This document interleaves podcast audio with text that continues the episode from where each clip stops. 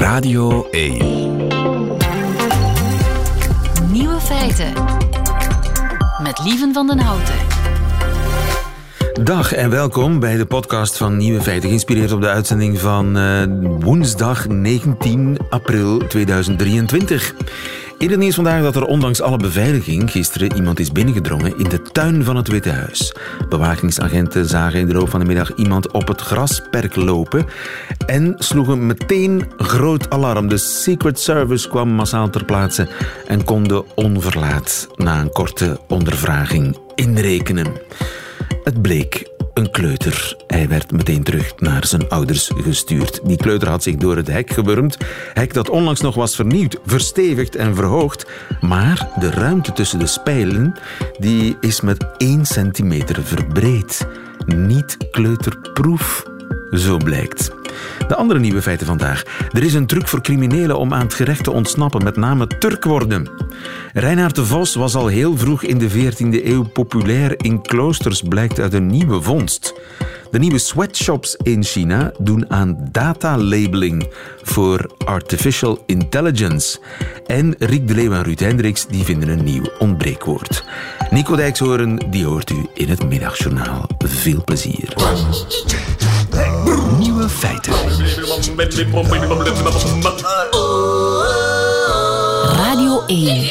Zware criminelen die hebben tegenwoordig een truc om aan het gerecht te ontsnappen. En die truc die is ja, eigenlijk simpel. Turk worden. Joris van der A, goedemiddag. Goedemiddag.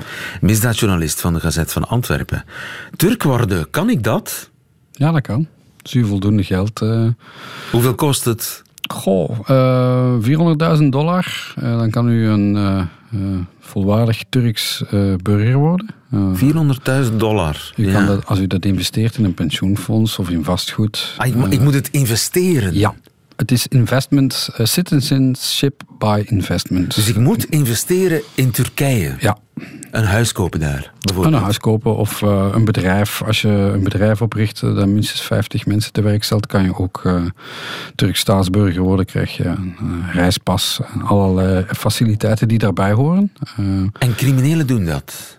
Er zijn heel wat criminelen die gebruik hebben gemaakt van dat programma, dat al, al enkele jaren bestaat in Turkije, om buitenlandse deviezen eigenlijk naar Turkije te halen.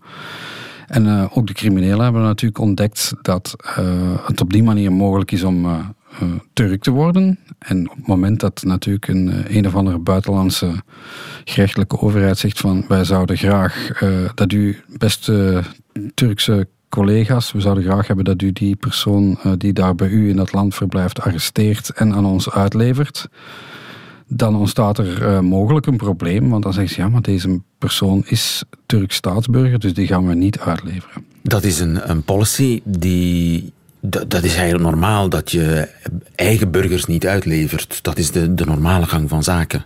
Uh, heel veel landen doen dat niet. Hè. Leveren voor strafuitvoering geen eigen onderdanen uit. Uh, ook wij doen dat niet.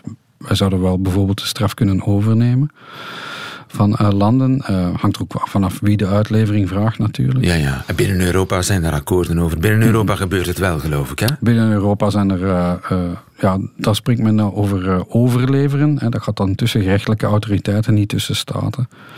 En dat is allemaal geregeld via dat Europese aanhoudingsmandaat. Ja, en ook de strafuitvoering die van elkaar kan overgenomen worden. Dat geldt dus niet voor, voor Turken. En, Ligt wat gecompliceerder. Ja. ja, dus Turkije zegt, uh, ja maar Turken die leveren wij niet uit. En zo zijn er mensen die eigenlijk helemaal geen Turk zijn, die toch Turk zijn geworden. Autochtone Vlamingen bijvoorbeeld, komt dat, is dat al gebeurd dat, dat uh, laten we zeggen, blonde Vlamingen of... of uh, André of Jules, dat die Turk is geworden om die reden, om te ontsnappen aan het gerecht? Ken mensen die ik niet moeilijk kan noemen bij naam, die uh, inderdaad autochtone Vlaming zijn en die een Turkse nationaliteit hebben verworven als uh, zekerheid voor, moest het ooit nodig zijn, ja. Dan kunnen ze snel, snel naar Turkije en dan moeten ze wel daar blijven. Ja, vanaf het moment dat je natuurlijk uh, één voet buiten Turkije zet, dan loop je het risico dat je gearresteerd wordt en uitgeleverd wordt. Ja, en zijn dat dan drugsbaronnen? Daar zijn drugsbaronnen bij, ja. Want zaten die niet in de Verenigde Arabische Emiraten. Ik herinner me zo'n hele grote bekende Nederlandse drugscrimineel die ja, opereerde vanuit een of ander uh, golfstaat. Ja, uh, er zitten heel veel uh, drugscriminelen in Dubai. Dat klopt, in de Verenigde Arabische Emiraten zitten er ook in Marokko. En er zitten er heel veel in Istanbul. ook mensen die door onze gerechtelijke autoriteiten gezocht worden. Uh, er is één Antwerpse uh, drugscrimineel die momenteel nog uh, vastzit in Turkije en wacht voordat België eigenlijk het verzoek gericht heeft om hem uit te leveren. Ehm, de kans bestaat dat Turkije toch zal overgaan tot uitlevering, omdat ja, er zit wel een angeltje voor de drugscriminelen. Ze kunnen natuurlijk proberen die nationaliteit te verwerven, maar bijvoorbeeld je mag geen illegale fondsen uh, mag niet op een illegale manier verworven zijn. Dat zijn de kleine lettertjes. Ja, dus het, is, het systeem is niet uh, zo simpel. Het, het is, niet waterdicht. Uh, en, ja, je moet, het is niet van gewapend beton. Dus ja, men, men, men, kan er zijn voordeel mee doen. maar als de Turkse overheid op een zeker moment vindt dat u meer last bent dan, dan dat u bijbrengt... Ja. dan vinden ze, zou het kunnen dat ze wel een reden vinden om om u toch uh, het land uit, uh, uit, te zetten. Een Turks paspoort is de laatste jaren in de mode geraakt bij mensen die iets op hun kerfstok hebben. Ja, om, misschien omdat ze in de Arabische Emiraten en andere golfstaten wat strenger zijn geworden? Uh, op een zeker moment was, was er het gevoel dat, dat Dubai toch niet meer zo veilig was, om het zo te zeggen. Hè, tegen, dat, men, dat er sprake van was dat er toch misschien... Een, er is dat uitleveringsverdrag afgesloten tussen België en de Emiraten. Nu, uh, dat heeft eigenlijk nog niet echt tot uh, daadwerkelijke uitleveringen geleid, om het zo te zeggen. Maar dat verdrag was er wel. En op dat moment zag je dat uh, men zijn voorzorgen begon te nemen en bijvoorbeeld de Turkse nationaliteit begon te verwijderen. Ja.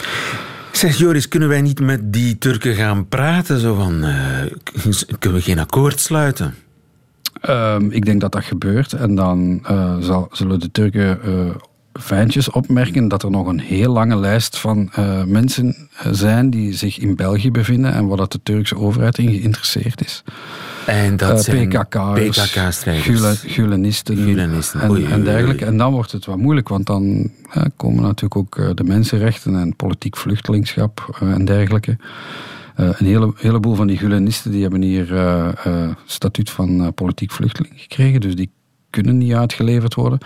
Dus ja, dat ligt wat gevoelig. Dus de, de Turken zullen dan ook op wijzen dat wij dan ook uh, consequent moeten zijn. En uh, de mensen waar dat zij in geïnteresseerd zijn, dat wij die ook zouden moeten nemen. En dat, dat zijn moeilijke keuzes natuurlijk. Ja, dat kan juridisch gewoon niet. Hè. Iemand die statuut van beschermd politiek vluchteling heeft, die kan je niet gaan, uh, gaan uitleveren. Ja. En, en voor je het weet, praten we over het NAVO-lidmaatschap van, van Zweden. Dat heeft er waarschijnlijk ook, dat kan daar ook ingemengd worden in die discussie. Ik weet niet of dat het op dat politiek niveau, maar ook ja, Zweden heeft er ook last van. Hè. Die, die vragen dan de uitlevering van uh, een zware crimineel, die blijkt dan Turk te zijn. En de Turken zullen dat dan natuurlijk wel uitspelen. Uh, dat het uh, ja. altijd een wederzijds verhaal is. Ja. Turk worden, het is een manier om te ontsnappen aan het gerecht. Uh, Joris van der A, dankjewel voor deze heldere toelichting. Misdaadjournalist van uh, Gazet van Antwerpen. Nog een fijne middag. Goedemiddag. Het ontbreekwoord. Rick de Leeuw gaat op zoek naar woorden die in onze taal helaas nog niet bestaan. Ik heb veel gezichtszacht. De, de voorbij, de, ja, echt waar. Ja? Ruud Hendricks, goedemiddag, goedemiddag. trouwens. Hoofdredacteur bij Vandalen en jurylid bij het Ontbreekwoord. Goedemiddag. Mhm. Ook uh, Rick de Leeuw, de uitvinder en beschermheer van het Ontbreekwoord. Goedemiddag. Ik, was, uh, ik heb een beetje vakantie genomen. De voorbije, ja, ja, de Weekends Classics 1000 hadden wij geen uitzending. En dus, wat uh, heeft Bibi gedaan? Uh, ja, naar Berlijn en zo, en, mm. en. En, op plaatsen met veel volk, luchthavens en zo. als je naar het toilet gaat, ik heb een paar keer gezegd. Ja, en dat gebeurt vooral als er dan, dan ook nog Britten in de buurt zijn. Ja, ja, de verkeerde kant lopen. Ja, ja, zigzaggen is, is een van die ontbreekwoorden die wij hebben laten geboren worden. Het ongemakkelijke ballet, het heen en weer gedans dat ontstaat wanneer je iemand kruist in een smalle gang bijvoorbeeld. Heerlijk. En ik probeer bij te houden of je het dan één of twee keer doet. Ah. Dat, en? En? Ja, ik denk twee keer. Ja? Soms twee keer. Dat zijn de mooiste natuurlijk. Ja, na drie keer blijf dan je gewoon je staan. Wat hebben we nog allemaal bedacht? Zelfdenker voor iemand die niet gelovig is. We hebben echt een mooie lijst hoor. Een fuckelise. Ja. Het moment, het moment waarop het, macht, het wachtmuziekje even stopt en je denkt... Het is aan mij, maar het begint opnieuw. Fuck ja. Elise. Ja. Rick, welk woord... Daar zoeken we nu al de voorbije drie weken naar, want de opdracht dateert van drie weken geleden. Welk woord? We gingen op zoek naar een woord voor de geur van een ander waar jij verantwoordelijk voor, voor wordt oh, gehouden. Om het geheugen, om het even op te frissen. Je staat alleen in een lift en in die lift hangt een onaangename geur. Op zich geen probleem, maar twee etages verder stopt de lift, stapt er iemand in en je voelt direct dat hij oh. of zij die geur associeert met jouw aanwezigheid. Doordringende blik. Dat dus. Wanneer heb jij voor het laatst dus. gedoucht? Juist, juist. Of wat heb je gegeten vanmorgen? Ja, ja, ja, ja, ja. Of gedronken vanmiddag, bijvoorbeeld. Juist, Hè? Dat kan natuurlijk ook. Ja, en dan ben je eigenlijk, dan voel je jezelf beschuldigd ten onrechte uh, van de stank van een ander. Daar, daar komt het eigenlijk simpel gezegd op neer. Zijn er. Juist, en exact even gênant als herkenbaar, gezien de vele reacties. Waarvoor dank. Een kleine greep. Schaamgeur, schaamstank, schaamparfum, schaamlucht, geurschaamte, stankschaamte. Zelfs het vrije eau de Gêne werd voorgesteld. Eau de Gêne. eau de Gêne. Dat vind ik eau de Gêne. Maar de, de, lading niet helemaal. Hè? Want precies. dat kan, dat kan ook je eigen eau de Gêne zijn. Ja, ja, ja, voilà, voilà. Het ongemak walmt ons tegemoet. Maar het zou meer moeten zijn dan schaamte alleen. Want de geschetste situatie is complexer dan dat. Inderdaad. Ja. Dus. En daarom een top 7. Ik zet me schaam. Zijn we er klaar voor? Helemaal. Ja. Mooi. Oh, ik heb dit gemist. Yves de Mits komt met estafettegeur. Niet slecht. Nee, niet slecht. Het is... Um... Ja, je, je hebt dat, zo dat idee van de estafette en het doorgeven van een geur. Dus daar hangt een estafettegeur. Ja, uh, het stinkt hier, maar het is een estafettegeur. Ja, het komt niet ja, van want die, die mens die ingestapt is, die mens die ingestapt is, die gaat misschien zes etages verder ook weer verantwoordelijk voor het houden voor die ja, stank, juist, terwijl jij al uitgestapt juist, bent. Juist, ja, juist, ja, ja. Juist. Mooi, mooi. Yves. Ja, ja. Mooi. Ja, Oké. Okay. Estafettegeur, die houden we al in ons achterhoofd. Heerlijk. Jeroen Geerts en Chris de Rover, onafhankelijk van elkaar, komen met misverstank. ja, ja, okay. ja, jij weet, ja. Uh, misverstank. Ja, maar misverstank. Um, maar dat is bij dat zou dan iets zijn bij degene die het, die het opmerkt. Die denkt van, hé, hey, die meneer hier die net uit de lift komt, wat, wat was stinkt die meneer? Dan is het bij hem een soort misverstand. Maar niet de geur die er hangt, hè? Ja, plus ik kan moeilijk... Ik zou eigenlijk een woord willen waarmee ik in één woord kan duidelijk maken aan... Wat bedoel ik? De, ik ben ten onrechte verdacht. Verdacht. Ja, ja. ja. Verstankt. Klopt, klopt, klopt. Leentje van Hoorden misschien met een hangwalm. Ik vind het een prachtig woord, maar... Ja, het, het, gaat over die walm die er gewoon hangt. Hè. Ja, dat is, uh, zegt niks over de herkomst. Nee, de, hij hangt er gewoon. Ja. Maar een mooi woord. De beschuldigende, ja, de beschuldigende vinger ontbreekt. Het is zeker een, een mooi woord. Ik ga het woord zeker gebruiken, maar niet uh, voor die situatie. Wat een hangwalm. Ja. Dan wordt het opeens een persoon, ja. ja. Chris Verellen komt met stiefgeur. Prachtig. Ja, dat is ook mooi. Ja, dat geeft zo het beeld van uh, degene die daar, daar staan. Uh, die geur komt van iemand anders. Hè? Van de, dat is zoals je stiefvader, dat is niet je echte vader. Een stiefgeur is niet je echte geur. Die heb je van iemand. Ja, met. met ja. Wat, okay. wat, wat, wat, uh, wat is er niet goed aan? Goh, je stiefvader, dat blijft toch eigenlijk... Die heeft nog een relatie met jou? Stiefgeur is bijvoorbeeld die... Als je, als je... Stiefgeur, dat is een geur die je ook van iemand anders hebt gekregen, niet van jou. Ja, ja oké. Okay. Ja, ja, Als, je, nou, als, je, als je de, iemand heel intens omhelst hebt, dan heb je bijvoorbeeld, dan heb je een stiefgeur. Ja, dat is de geur die je van iemand anders hebt overgeërfd. Ja, ja. oké. Ook een mooi woord, maar we zijn, we zijn extreem streng. Hè? Ja, ja, ja, ja. Juist. Nog drie, hè? Gwendolyn de Leeuw Rammelo, geen familie. Gwendolyn de Leeuw Rammelo komt met luchtvergisser. Ja, maar wat waar slaat dat precies op? He, Ik denk dat het, een, een, uh, het alludeert op luchtverfrisser. Ja. Maar dan dat die, dat die vergissing in de lucht hangt. Ja. Mm -hmm. ja. ja. Ja, maar eh, mijn vraag is, is: gaat dat dan over de persoon die denkt van. Die vergist zich in de eigenaar van de lucht? Of wat is er precies aan de hand? Want dat zou het zijn. Is het een luchtvergissing? Een Of, en, wie is dan de luchtvergisser? Ja, dat degene, is- het is- het ja, is- degene het die het verkeerd interpreteert, denk ik, moet de luchtvergisser zijn. Ja, ja, ja, ja. Hmm. Nee, nee, nee. Nee? We hebben, we hebben al beter gehoord, sorry. We gaan door naar Luc Roets. Die komt met een zweefscheet. Ja, dat is natuurlijk heel woord. specifiek. Een scheet die zweeft. Ja, die het ergens blijft zweven. Hè? Ja, het, ja, eh, en die daar blijft hangen. En ik vind het niet slecht eigenlijk. het, het- ja, maar het, ja, als het Maar het gaat alleen maar over de over... scheet. Juist, ja. Als het Ja. alleen daarover gaat. Want Als het alleen over de scheet zou gaan, dan had Luc Roets gewonnen. Ja. ja, Het zou zweef, ja. zweefzweet kunnen zijn anders. ook. En, ja. Oké, Het hebben we? opent vele We perspectieven. hebben er nog eentje. We hebben er nog één. Ja. Jochem de Keuster en Marianne Bernards, ook onafhankelijk van elkaar, komen met koekoeksgeur. ja. Ook we niet al, slecht. ja, maar we hebben al zo vaak koekoeken gehad hè, hier in, die, eh, in deze... Hebben we er al veel koekoeken gewonnen? Nee, denk ik. Nee, kijk, dat is een goede vraag. Ja, nee. Ah. Maar eh, ja, een koekoek, dat is het beeld van die, die legt zijn ei in het nest van een andere vogel. Hè? Ehm, Voor mij Ja, gaat het dat Dat is exact wat hier gebeurt. ja, ja. Maar, maar het, het, het zit dat, dat zo van het verwijtende dat erin zit van iets doorgeven. Het is gewoon je plaatst bij iemand. Ja, oké. ja. koekoeksgeur of estafettegeur. Voor mij wat gaat het tussen die twee. Of waar gaat het voor jou tussen? eh? ja, voor mij gaat het tussen de estafettegeur en de stiefgeur. Maar het doorgeven, dat zit natuurlijk het beste in de We estafettegeur. hebben hem, geloof ik, hè? Ja. We hebben hem. Het woord, het ontbreekwoord vandaag is estafettegeur. Gefeliciteerd Yves de Mits, de man die met het grandioze idee estafettegeur kwam voor de geur die je doorgeeft aan een ander die er dan verantwoordelijk voor wordt geacht ten onrechte.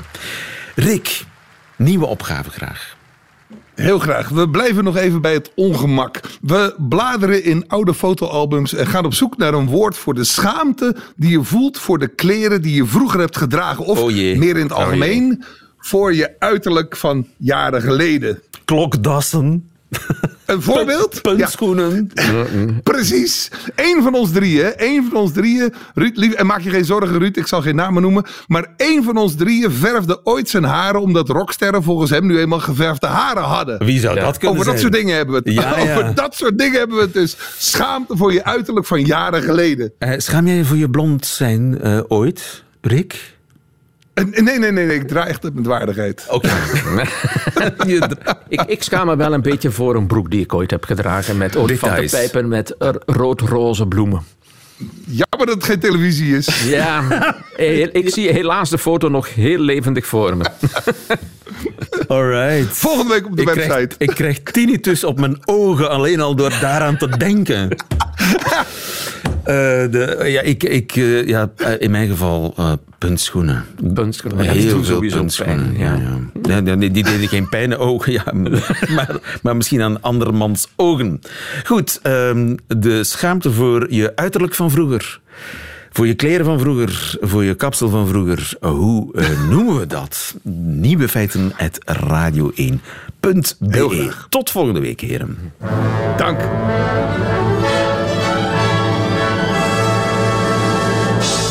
Nieuwe feiten. Held van de dag is eh, Laurent Breus-Loos, want hij ontdekte een heel oud stukje papier waarop een van de oudste citaten van Reinhard de Vos staat. Goedemiddag, Laurent. Goedemiddag, ehm, hallo. Dag Laurent, jij vond Hi. een stuk papier van 700 jaar oud. Hoe kan dat? Hoe, hoe heb je Ja. dat zo gevonden? Waar was je mee bezig? Misschien- Eerst alvast een kleine nuance. Hè. Ik heb het niet alleen gevonden. Ik heb het samen gevonden met mijn collega Irene van Elderen. Hè. Dus dat niet Alle alle eer ook eh, aan ja, Irene. aan Irene, ja, absoluut. Eh, nee, hoe hebben wij dat gevonden? Wel, het was ehm, in de zomer van eh, 2021. Ehm, ik werk momenteel als doctoraatsonderzoeker bij de Universiteit Antwerpen. Maar toen was ik eigenlijk net afgestudeerd en toen werkte ik als stagiair op een erfgoedproject, Medieval Manuscripts in Flemish Collections, samen met eh, Irene. Ehm, En waar was je? Een- in de abdij van Park. De In abdij Leuven? van Park. Ja, klopt. Ja. Hele oude abdij Ja. met een ja, enorm archief, neem ik aan. Ja, klopt. En we waren daar bezig met eh, de inventarisatie en fotografische eh, procedure van de handschriften. En toen zijn we dus eigenlijk ook op eh, het fragment in kwestie gestoten. Ja. Ah ja, je was aan het digitaliseren, dat hele oude Klopt. archief aan het digitaliseren. Met, met, ik Ja. neem aan met wit- witte handschoentjes aan, want dat moet heel voorzichtig gebeuren.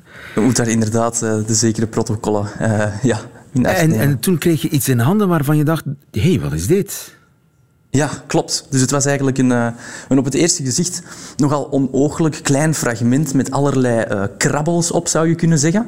En eh, bij nadere bestuderingen, we, we gingen dat even verder uitspitten, bleken dat allemaal middeleeuwse pennenproeven te zijn. Pennenproeven? Waaronder- Wat zijn pennenproeven? Ja, wel, pennenproeven. Vroeger in de middeleeuwen schreven mensen met eh ganzenveren.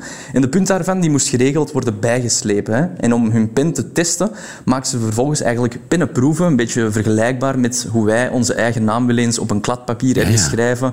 Of een doodle maken. Hè. En dan maakten zij ook eigenlijk eh, ja, een, een, een, een pennenproef. Hè. En een van die pennenproeven die op dat, eh, op dat blad staan, op dat middeleeuws fragment, is dus eigenlijk een, een citaat uit Van den Vos Reinaarde. Het gaat om vier eh, verzen. En hoe klinken die verzen ongeveer?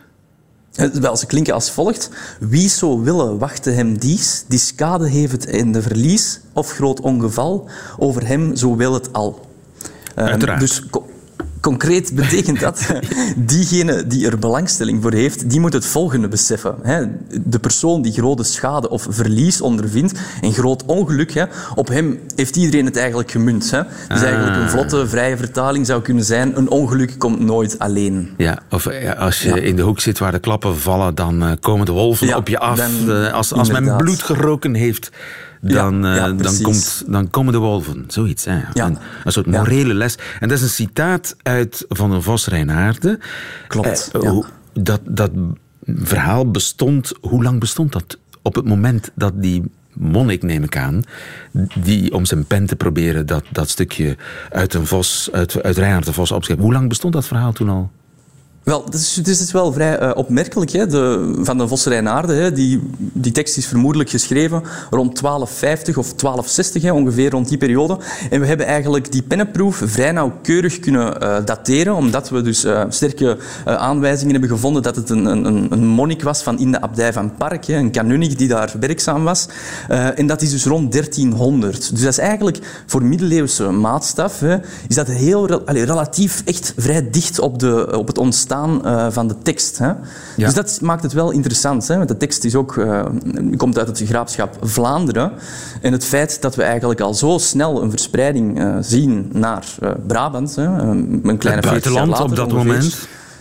Ja, inderdaad. inderdaad. Dus dat, dat, zegt ook, dat is wel een extra aanwijzing voor de snelle verspreiding van die tekst en voor de, ja, de populariteit ook wel van de tekst. Ja. Ja. En hoe oud is het oudste manuscript dat we hebben van Reinhard de Vos? Ehm, er zijn eh, fragmentarisch overgeleverde handschriften die nog iets jonger zijn dan deze eh, pennenproef. Dus eh, jij hebt eigenlijk het oudste citaat gevonden. Nee, nee, Ah. nee, nee, nee, nee. Er zijn, er zijn fragmentarisch overgeleverde handschriften sorry, die nog iets ouder zijn dan deze Ah ja, pennenproef. Ja. Eentje komt uit Vlaanderen, als ik het goed heb, en een ander ook iets oostelijker, dus meer richting eh, Limburg. Dus dat eh, zijn ook wel ehm, ja, aantekeningen voor die snelle eh, populariteit, snelle verspreiding. Maar het opmerkelijke hier is natuurlijk dat we eigenlijk de hand die, dit fragment, die deze pennenproef heeft neergeschreven, de kopiist die hiervoor verantwoordelijk is, dat we die dus eigenlijk een beetje hebben kunnen ja, lokaliseren, zeg maar, omdat we zijn hand, zijn schrifttype ook hebben kunnen identificeren in een cartularium van de abdij. Dat dateert van de eind 13e eeuw. Aha, dus je hebt zijn handschrift herkend. Ja, klopt. En dat het een kanunnik was, een religieuze. Want ja, eh Reinhard de Vos is toch een klein beetje... is niet bepaald een vroom werk. Nee, nee, nee, dat klopt. Hè. De, de Reinaard is een beetje een, een controversiële en, en toch wel een, een, een gelaagde tekst. Hè. Dus dat nota bene zo'n uh, kanunnik daar... Ja, het is een schurk. En dat is, wel, uh, dat is misschien ook wel een, een pikant detail. Hè. De Reinaard heeft ook wel een, een zeker anti-institutioneel en een anti-geestelijk karakter. Hè. De, uh, Reinaard in de tekst zelf, die spot wel ook eens met uh, kloosterlingen. Hè. Er is bijvoorbeeld een, een passage hè, waarin, en dat is eigenlijk net de passage ook, waarin de, de, de vier versen gesitueerd zijn. Hè. Reinaard heeft Brun de Beer weer volledig om de tuin geleid en heeft er eigenlijk voor gezorgd dat enkele dorpelingen hem hebben aangevallen en die beer die ligt daar volledig uh, bebloed. Hè. En dan zegt Reinaard tegen hem, hè, omdat hij allemaal uh, rood bloed op zijn, op zijn hoofd heeft, die beren, zegt hij van, uh, nou, kijk maar eens goed, hè. hier, Reinaard staat voor u. En dan lacht hij met hem, van welke orde bent u eigenlijk? Want uw bloedrode kap komt mij onbekend voor. Hè. Ze hebben wel een deel van uw oor weggeschoren toen u uw tonsuur werd aangebracht. Hè. Staat u op het punt te gaan zingen of te bidden. Hè, dus hij spot eigenlijk echt een beetje hier met, met, ja, met, met, met het geestelijke en ja, ja, ja. En dus is het heel wel mogelijk dat die monnik een beetje is stiekem dat stukje... dat het daarom ook zo populair was in die kloosters, omdat het, er mocht gelachen worden. Goh, voor zover, dat is natuurlijk, ja, dat, dat weet ik niet. Dat is een beetje een, een, een, een speculatie interpretering om het met een chic ja, woord ja, te zeggen. Dus dat, uh, ja, dat, is, uh, dat is moeilijk iets over uitspraken over te doen natuurlijk. Hè. Maar het is, het is wel opmerkelijk dat het, uh, ja, dat, het, dat het daar in die abdij eigenlijk naar boven komt. Zo'n tekst als de Reinhard. Ja. ja, en zo vroeg al. Nogmaals gefeliciteerd en, en geef onze hartelijke groeten aan jouw collega Laurent Breusloos. Goedemiddag. Ja, oké, okay, dankjewel. Hè. Dag.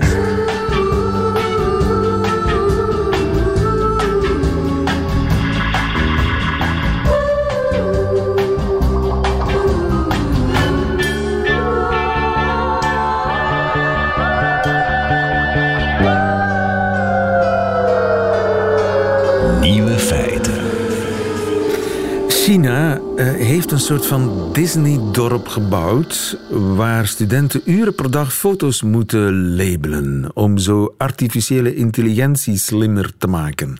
Leen Vervaken, goedemiddag. Goedemiddag. Je bent onze vrouw in China en jij bent er geweest in dat dorp. Hoe heet dat dorp? Uh, dat dorp heet Bainiaoge. Uh, dat is letterlijk 100 vogels rivier. Dus dat is een heel mooie naam voor eigenlijk een heel mooi dorp midden in de rivier. Je kan je zo voorstellen dat daar heel veel vogels rondvliegen. En het is een soort van Disney-dorp. Ja, uh, dat was voor mij de beste manier om het te omschrijven. Het ligt uh, heel ver weg van de bewoonde wereld, midden in de natuur, uh, in de bergen, de bossen. Dus je, je rijdt erheen en je denkt, oh, prachtige vakantiebestemming. en um, ja, wat je dan helemaal niet verwacht, is dat je daar plots een heel Europees aandoend uh, dorpje aantreft. Uh, het, het, lijkt geïnspireerd op een Alpendorpje. Dus huizen, gebouwen in de vorm van chalets. en ook wel een soort van stadspaleisjes, die je misschien eerder in Wenen zou voorstellen. maar ja, allemaal nagemaakt. Dat, dat is niet van, van ja, hoogstaande materialen gebouwd, laat maar zeggen. Het is eerder ja, decor, zoals decor. een Disneydorp. Ja, en, maar dat is vooral duidelijkheid, het is geen vakantiedorp, het is een soort bedrijf. Ja, precies. Uh, in al die uh, ja, namaak Alpenchalets uh, zitten eigenlijk kantoren. en dus als je daar binnen gaat, dan kom je in, in grote zalen met een soort van landschapstuinkantoor. Ehm, heel veel bureaus en daar zitten inderdaad heel vaak stagiairs, studenten, achter computerschermen heel geconcentreerd in, in uiterste stilte te werken. En vooral op hun computermuis te klikken. En waarop klikken ze dan? Nou, ze bekijken eigenlijk voortdurend beelden uh, die heel erg op elkaar lijken, maar net iets vanuit een iets ander perspectief. Dat kan gaan om beelden van verkeer of om beelden vanuit het perspectief van een robotstofzuiger die om zich heen kijkt. En zij moeten daar inderdaad data labelen of data taggen. Uh, en bijvoorbeeld zo'n robotstofzuiger, ja, die ziet allerlei voorwerpen in de kamer, maar die ziet ook voeten. En zij moeten bijvoorbeeld aanduiden wat een voet is, zodat die robotstofzuiger daar niet tegen gaat rijden.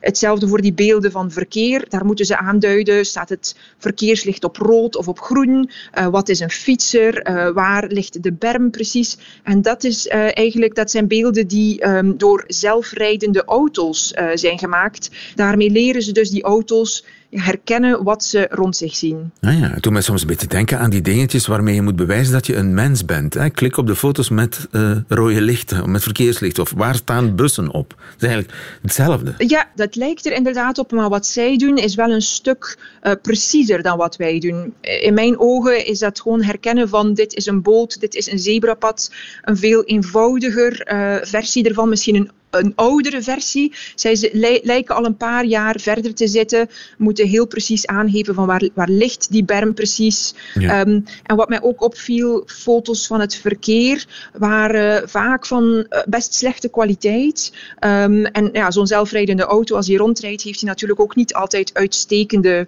omstandigheden. Dus bij verschillende belichting, vaak soms ook wel moeilijke belichting, moesten zij aangeven wat is wat. Ja, en, en die foto's, waar komen die allemaal vandaan?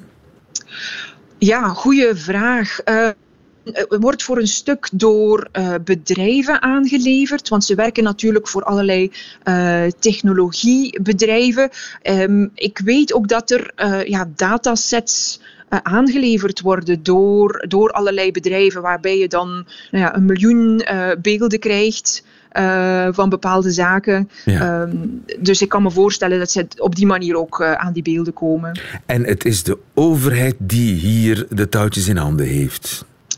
Nou, dat zit ietsje uh, complexer in elkaar. Het gaat om privébedrijven, dus je kan niet zeggen de overheid heeft echt de touwtjes in handen, maar die zijn wel allemaal gevestigd op een industriepark dat door de overheid gerund wordt en dat ook heel erg zijn best doet om die bedrijven uh, enerzijds aan te trekken, um, maar ook wel er is een vorm van coördinatie tussen al die bedrijven en de overheid.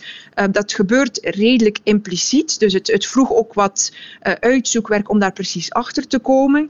Um, maar op de een of andere manier zie je wel dus dat de Chinese overheid heel erg aangeeft, dit vinden wij belangrijk dat bedrijven bedrijven gaan doen. En als Chinees bedrijf weet je, ja, de overheid beslist over heel veel zaken in China. Dus dan als ik wil groeien, dan kan ik me daar maar beter naar luisteren, me beter richten op wat de overheid ja, aangeeft dat de prioriteiten zijn. Ja, maar waarom daar in dat afgelegen hoekje zo'n, zo'n en, en waarom een Disney-dorp?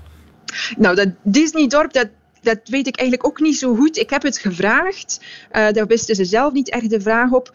Um, wat ik zelf denk, het, is, uh, het dorpje zelf is eigenlijk al in het begin uh, 2010, 2011 gebouwd. Uh, en in die jaren keek China enorm op naar het Westen. En die Europese bouwstijl was toen best trendy. Werd gezien als nou ja, heel, heel progressief of heel modieus. Dus ik kan me voorstellen dat dat een beetje de gedachte is geweest. Wij willen een bedrijvenpark voor technologische bedrijven. Dus Europese stijl, dat straalt succes en moderniteit uit. Ja. Okay. Um, en trouwens, het, het, ik weet niet of je dat weet, maar de Huawei Campus, zoals ze die noemen, dus het grote bedrijventerrein van, van Huawei, uh, het bekende technologiemerk, dat is ook in Europese stijl gebouwd. Ah, ja. Dus daar kan je een soort van, um, ja, een, een, een, heel scala van bekende Europese stijlen terugzien. Dus het is ooit in China heel populair geweest. Oké, okay. um, ziet eruit en, als Oxford en of, of zoiets. Uh, ja, nou, een mengelmoes van verschillende Europese ja. stijlen. Dus je kan, Oxford uh, met, met koekoeksklokken. Precies, precies. Ja. Ja. Met één wandeling door uh, de Huawei campus uh, wandel je door heel Europa. Maar en waarom, daar, daar uh, zo gaan... afgelegen? Nou, op zich zijn die incentives van de overheid, die, die uh, subsidies bijvoorbeeld, uh, waarmee ze bedrijven proberen aan te trekken, het verschaffen van uh, gratis kantoorruimte. Dus de Alpenchalets worden een aantal jaar gratis ter beschikking gesteld. heel um, interessante belastingvoordelen. Dat is zeker een reden. Maar dat doen op zich heel veel lokale overheden in China. en wat een grote factor is, is dat daar op het diepe platteland de arbeid uh, heel goedkoop is. Uh, enerzijds omdat de lonen daar sowieso al erg laag liggen, dus marktconforme salaris is daar iets meer dan 500 euro per maand. Maar bovendien is er nog iets heel bijzonders aan dat dorp. Daar is een, een beroepsschool uh, opgericht, dus voor hoger onderwijs, maar, maar beroepsopleiding. En al die studenten moeten verplicht stage doen. dat is heel handig bekeken. De, de oprichter van de school is ook de oprichter van het eerste grote bedrijf in datalabeling. Dus die studenten worden ingeschakeld als stagiairs in die school voor een salaris of een stagevergoeding die een stuk lager ligt dan het marktconforme salaris. Ja, het, het lijkt mij zeer uh, uitputtend om zo de hele dag samen met uh, honderden anderen in zalen te gaan klikken van dit is een voet en die staat naar links gericht en dit is een haag. Het lijkt, uh, ja, dat, heb je met die mensen gesproken? Dat is inderdaad het geval. Ja, ik heb uh, een paar mensen kunnen spreken uh, en die bevestigden dat. Uh, die vonden het ook niet erg interessant. Um, ja, als student hadden ze toch ook het idee dat ze daar niet heel veel van, van bijleerden. En het werd ook wel bevestigd door de bedrijven dat het verloop onder de werknemers, de, de, de mensen die niet hun stage moeten uitdoen, dat dat erg hoog is en dat zij voortdurend op zoek moeten naar nieuwe werknemers. Ja. Maar ja, de zelfrijdende wagen van de toekomst, die zal uh, misschien wel in China, in China gebouwd worden, ook degene die wij gaan gebruiken. Dus uiteindelijk, misschien over tien jaar of zo, gaan wij van dat werk profiteren nou ja, heel veel producten die wij in Europa gebruiken zijn made in China. Dus ik denk dat wij nu al heel veel producten gebruiken die met goedkope arbeid uit uh, China geproduceerd worden. We realiseren ons dat niet uh, altijd. En inderdaad, China zet nu heel erg in op, op kunstmatige intelligentie, op AI. Ehm, en, en is daar ook erg goed in, staat erg ver. volgens sommige experts zelfs verder dan bijvoorbeeld de Verenigde Staten. En de basis daarvan, het handwerk, dat wordt inderdaad ja, in dit soort bedrijven, parken gedaan um, aan, aan uh, erg lage salarissen. Ja. De nieuwe sweatshop, zeg maar, Leen Vervaken in China. Dankjewel. Goedemiddag. Graag gedaan. Nieuwe feiten. En voilà, dat waren ze meteen de nieuwe feiten van 19 april 2023. Alleen nog die van Nico Dijkshoorn, die krijgt u nu in zijn middagjournaal. Nieuwe feiten. Middagjournaal.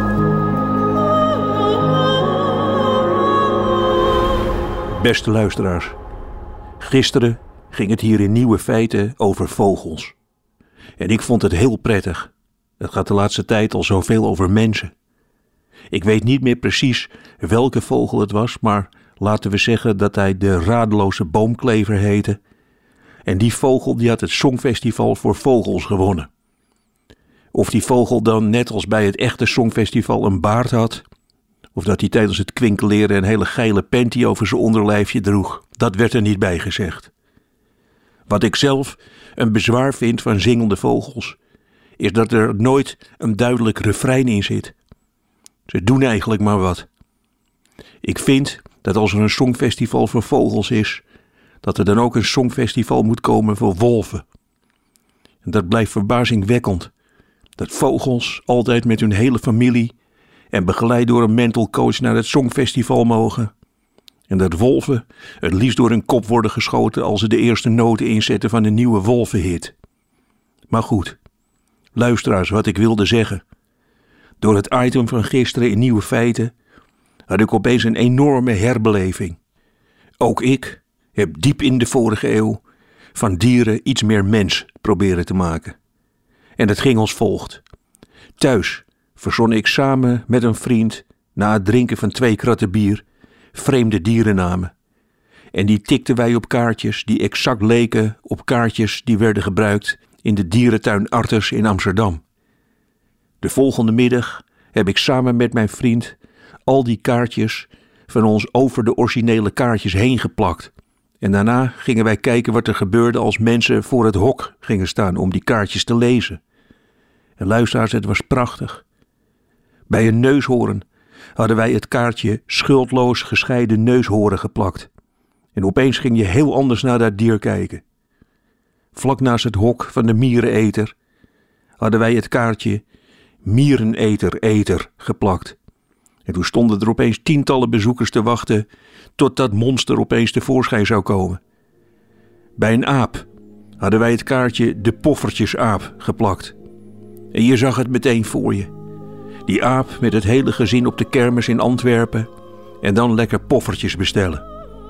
Luisteraars, wij konden het leven van die dieren met één zinnetje veranderen. Bij het hok van een enorme uil plakten wij het kaartje Domme uil. En weg was zijn eeuwenoude imago. Het ontroer ons was een kaartje bij een leeg hok. Ik heb daar mensen urenlang voor het hok zien staan wachten op het volgende dier. Uitgestorven dikke loerie. Hield van gebakken vis. Kon niet zingen.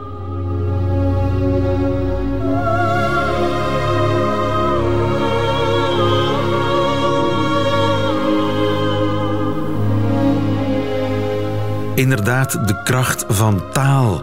En overigens vind ik dat Nico Dijkshoorn met zijn band samen moet meedoen aan het Eurovisie Songfestival van volgend jaar.